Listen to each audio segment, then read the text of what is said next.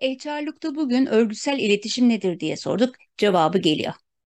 Örgütsel iletişim kısaca örgütün işleyişini sağlamak ve amaçlarını gerçekleştirmek için kurulan ilişki ağıdır. Örgütsel iletişim biçimsel ve biçimsel olmayan olarak ikiye ayrılır.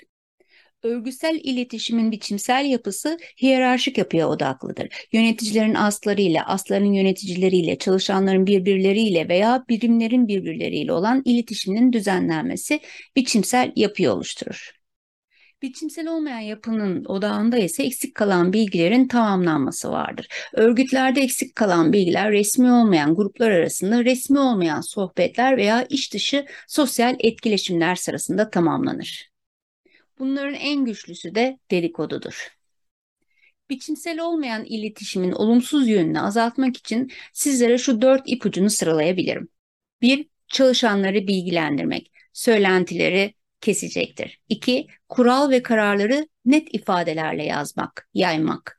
E, gizli ve şüphe yaratacak e, tüm ifadelerden kaçınmak. Üç, söylentilere sakin, akılcı ve saygı çerçevesinde cevap verebilmek ve dört, çalışanların düşüncelerini, tavsiyelerini, endişelerini yansıtmalarına izin vermek ve onları dinlemek.